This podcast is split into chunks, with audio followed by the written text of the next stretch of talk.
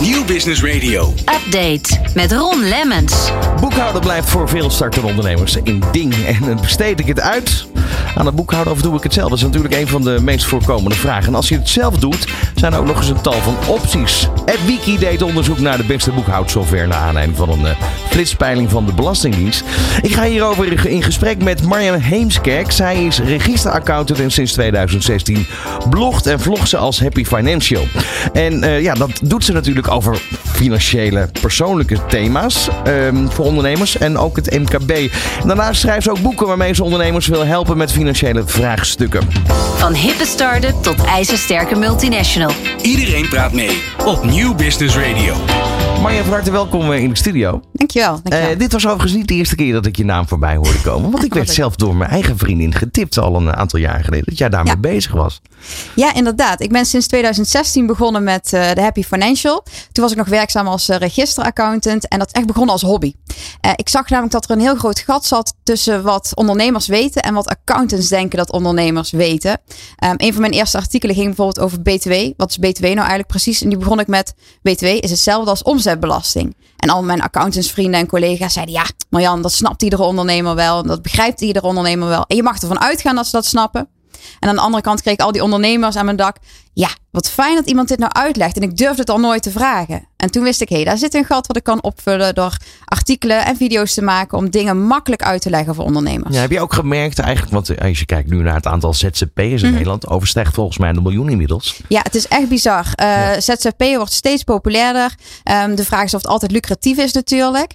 Um, maar steeds meer mensen kiezen voor de vrijheid van ZZP'en. Maar ja, daar hoort ook het stukje ondernemerschap bij. Ja, en dat is eigenlijk gewoon een gedegen voorbereiding. Ja, en, en veel ondernemers vinden juist de administratie en het boekhouden, het deel waar ik zo blij van word. Uh, vinden waarom, ze... word, waarom word jij er blij van? ja, ik word er blij van als dingen kloppen in de administratie en als het goed loopt. En uh, als je kan zien hoe je omzet groeit en je marge groeit. En denk, nou, dit heb ik toch maar als eigen ondernemer zelfstandig voor elkaar gekregen. Mijn eigen boterham verdiend. Ja. Je bent toen gaan bloggen. Uh, nou, daar kwamen dus positieve reacties op, uh, op uiteindelijk binnen. Ja. En hoe, hoe ben je dat verder gaan opbouwen? Want in, in principe heb je dus eigenlijk twee, twee kanten van het vak. Of eigenlijk een nieuw vak erbij leren kennen. Ja. Want vloggen is al een vak op zich. Ja, dat is echt een vak op zich. En dat heb ik echt geleerd door het te doen.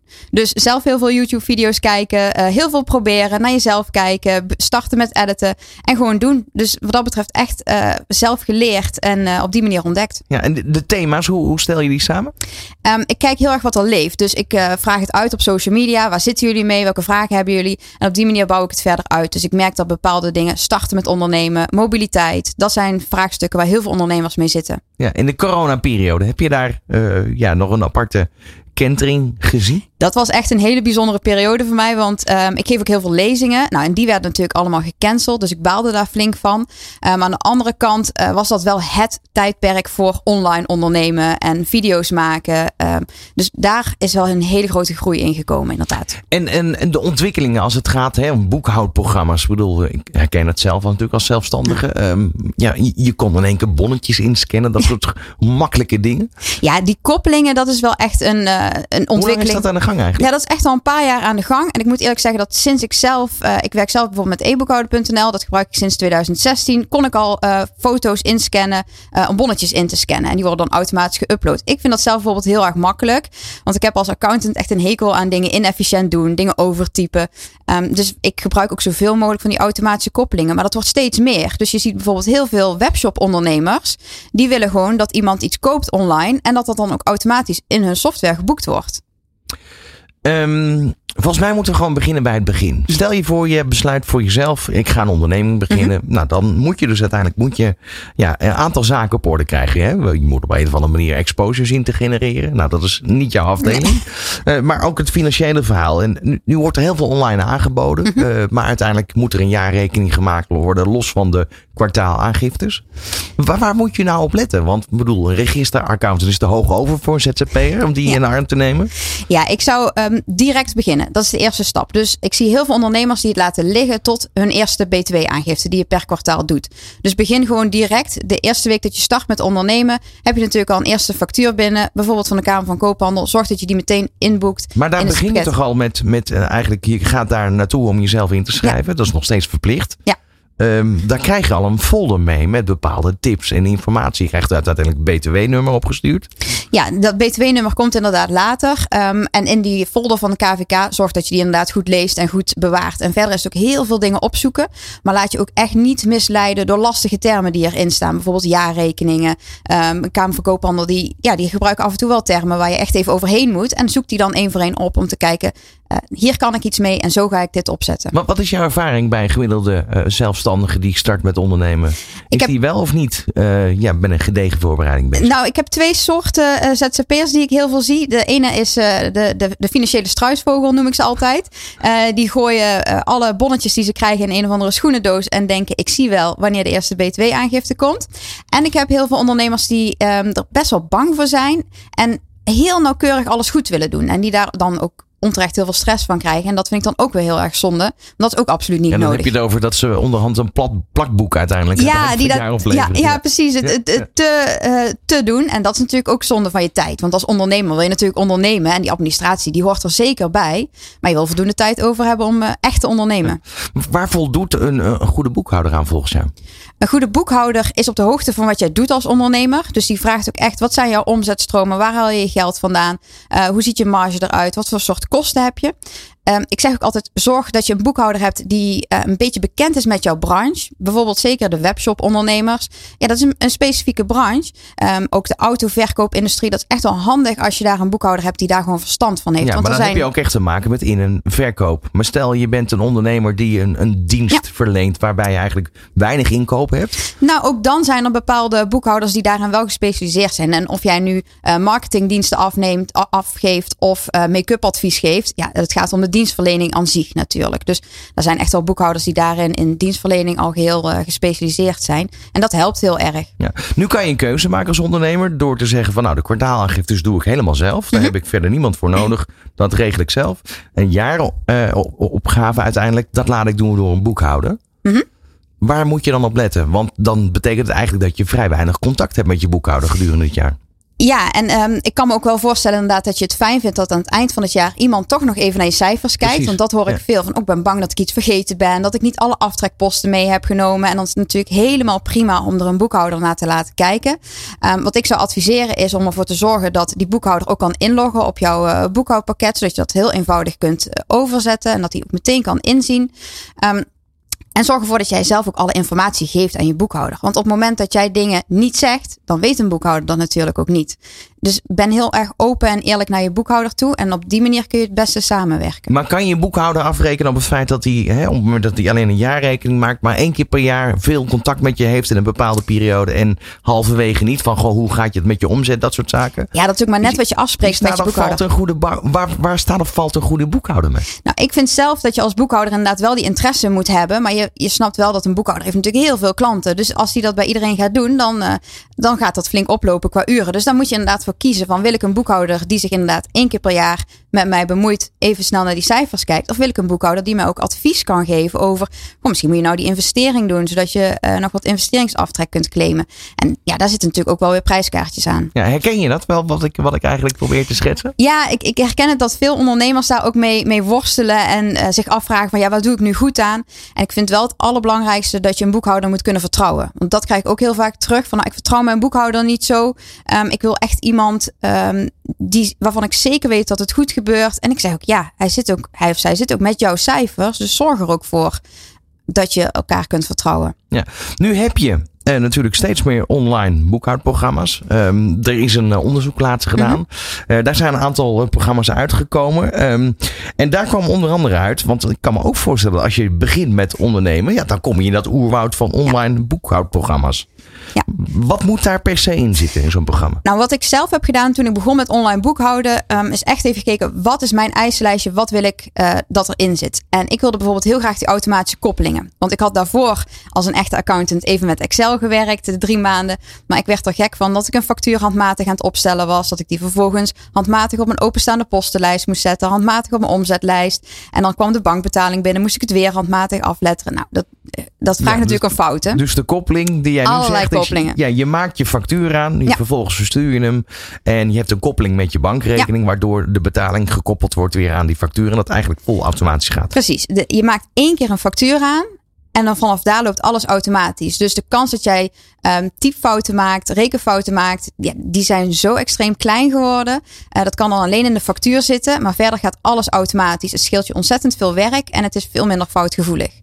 Dus dat was voor mij een hele belangrijke toen ik ging kijken naar een, uh, een boekhoudprogramma. En wat ik ook heb gedaan, is echt even een aantal programma's uh, vergeleken. Dus echt even de, de ieder boekhoudprogramma biedt een proefperiode aan. En die heb ik ook, daar heb ik ook gebruik van gemaakt. En op die manier een beetje feeling gekregen met het boekhoudprogramma. Ja, welke programma's waren dat?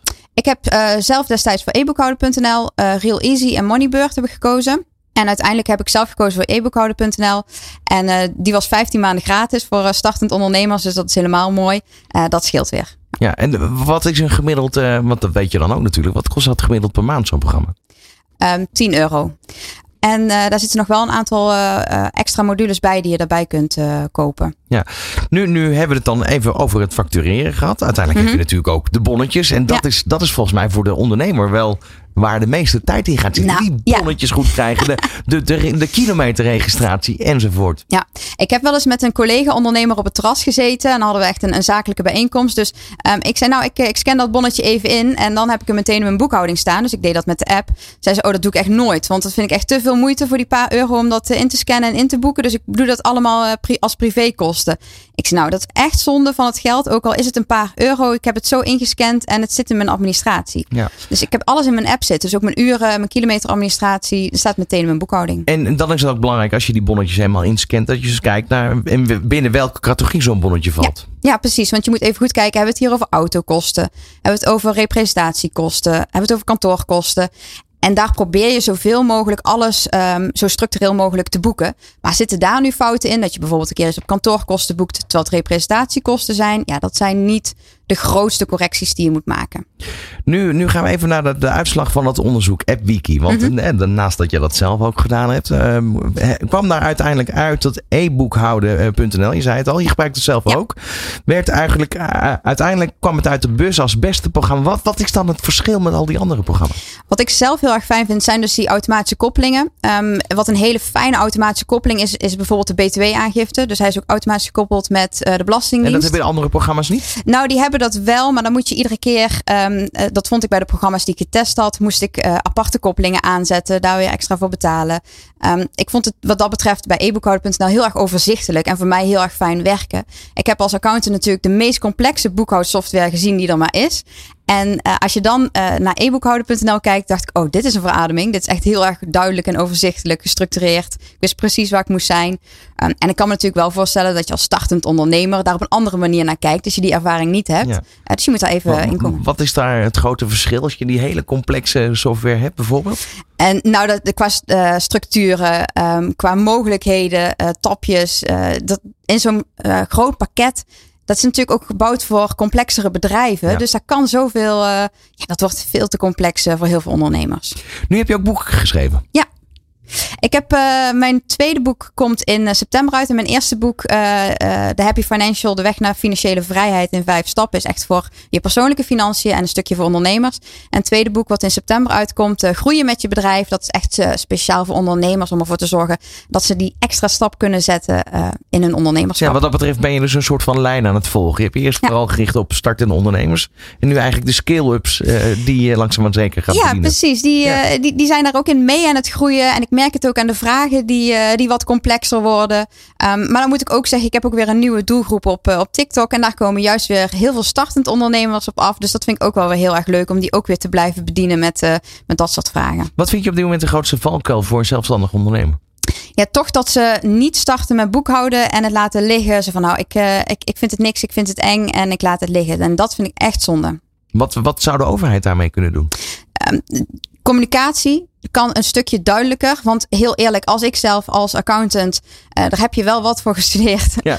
um, op de website van de Belastingdienst kijk, dan denk ik, ja, ik snap wel dat startend ondernemers die bijvoorbeeld heel goed zijn in marketing of heel creatief zijn en dit lezen, er niet uitkomen. Dus ja, de communicatie. Je zei net al met de jaaropgave of de jaarrekening als mm -hmm. het ware.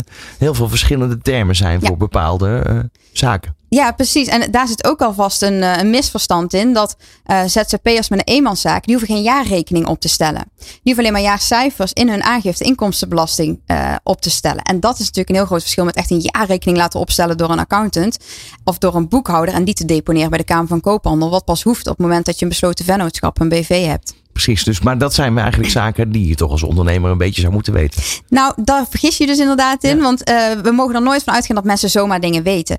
En ik zeg dat ook heel vaak tegen mijn studenten. Ik geef zelf ook les op Nijrode Business Universiteit aan toekomstige accountants. Ik zeg ja, ga er, jij werkt iedere dag met Excel. Jij vindt dat heel fijn werken. Maar ondernemers, die hebben dat misschien helemaal niet. En dat is hetzelfde als dat ik jou in één keer achter uh, Final Cut Pro een, uh, movie editor zet. Dan heb jij ook geen idee of welk knopje je geen moet klikken. Geen flauw idee. Nee. nee. En dan gaan we ervan uit dat je dat maar moet begrijpen. Dus nooit van uitgaan dat iemand het wel weet. Ik vond het leuk dat je hier was in de studio. Succes met de lancering van Dankjewel. je tweede boek. Dankjewel. Dankjewel. Marjan Heemskerk, ja, uh, inderdaad bekend van de Happy Financial. Van hippe start-up tot ijzersterke multinational. Iedereen praat mee op Nieuw Business Radio.